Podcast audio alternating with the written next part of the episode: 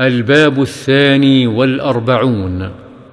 باب فضل بر أصدقاء الأب والأم والأقارب والزوجة وسائر من يندب إكرامه. عن ابن عمر رضي الله عنهما أن النبي صلى الله عليه وسلم قال إن أبر البر أن يصل الرجل ود أبيه. وعن عبد الله بن دينار عن عبد الله بن عمر رضي الله عنهما أن رجلا من الأعراب لقيه بطريق مكة فسلم عليه عبد الله بن عمر وحمله على حمار كان يركبه وأعطاه عمامة كانت على رأسه قال ابن دينار فقلنا له أصلحك الله إنهم الأعراب وهم يرضون باليسير فقال عبد الله بن عمر إن هذا كان ودا لعمر بن الخطاب رضي الله عنه وإني سمعت رسول الله صلى الله عليه وسلم يقول إن أبر البر صلة الرجل أهل ود ابيه وفي رواية عن ابن دينار عن ابن عمر أنه كان إذا خرج إلى مكة كان له حمار يتروح عليه إذا مل ركوب الراحلة وعمامة يشد بها رأسه.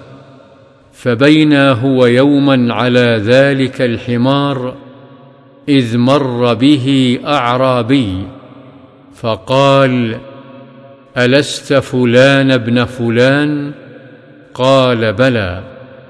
فأعطاه الحمار فقال اركب هذا. وأعطاه العمامة وقال أشدد بها رأسك. فقال له بعض أصحابه غفر الله لك أعطيت هذا الأعرابي حمارا كنت تروح عليه وعمامة كنت تشد بها رأسك. فقال إني سمعت رسول الله صلى الله عليه وسلم يقول إن من أبر البر أن يصل الرجل أهل ود أبيه بعد أن يولي.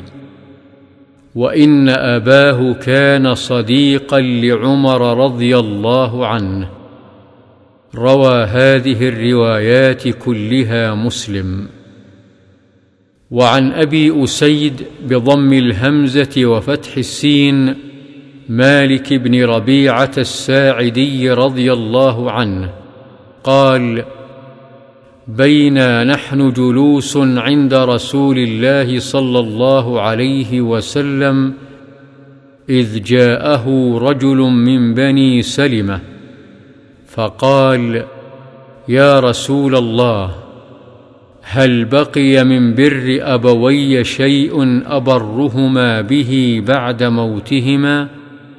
فقال نعم الصلاه عليهما والاستغفار لهما وإنفاذ عهدهما وصلة الرحم التي لا توصل إلا بهما وإكرام صديقهما. رواه أبو داود. قال الألباني وإسناد الحديث ضعيف. وعن عائشة رضي الله عنها قالت ما غرت على أحد من نساء النبي صلى الله عليه وسلم ما غرت على خديجة رضي الله عنها وما رأيتها قط ولكن كان يكثر ذكرها. وربما ذبح الشاة ثم يقطعها أعضاء ثم يبعثها في صدائق خديجة. فربما قلت له كأن لم يكن في الدنيا إلا خديجة. فيقول إنها كانت وكانت وكان لي منها ولد. متفق عليه. وفي رواية وإن كان ليذبح الشاة فيهدي في خلائلها منها ما يسعهن. وفي رواية كان إذا ذبح الشاة يقول أرسلوا بها إلى أصدقاء خديجة. وفي رواية قالت استأذنت هالة بنت خويلد. أخت خديجة على رسول الله صلى الله عليه وسلم فعرف استئذان خديجة فارتاح لذلك فقال اللهم هالة بنت خويلد. قولها فارتاح هو بالحاء وفي الجمع بين الصحيحين للحميدي فارتاع بالعين. ومعناه اهتم به. وعن أنس بن مالك رضي الله عنه قال خرجت مع جرير بن عبد الله البجلي رضي الله عنه في سفر فكان يخدمني فقلت له لا تفعل. فقال إني قد رأيت الأنصار تصنع برسول الله صلى الله عليه وسلم شيئا. آليت على نفسي ألا أصحب أحدا منهم إلا خدمته. متفق عليه.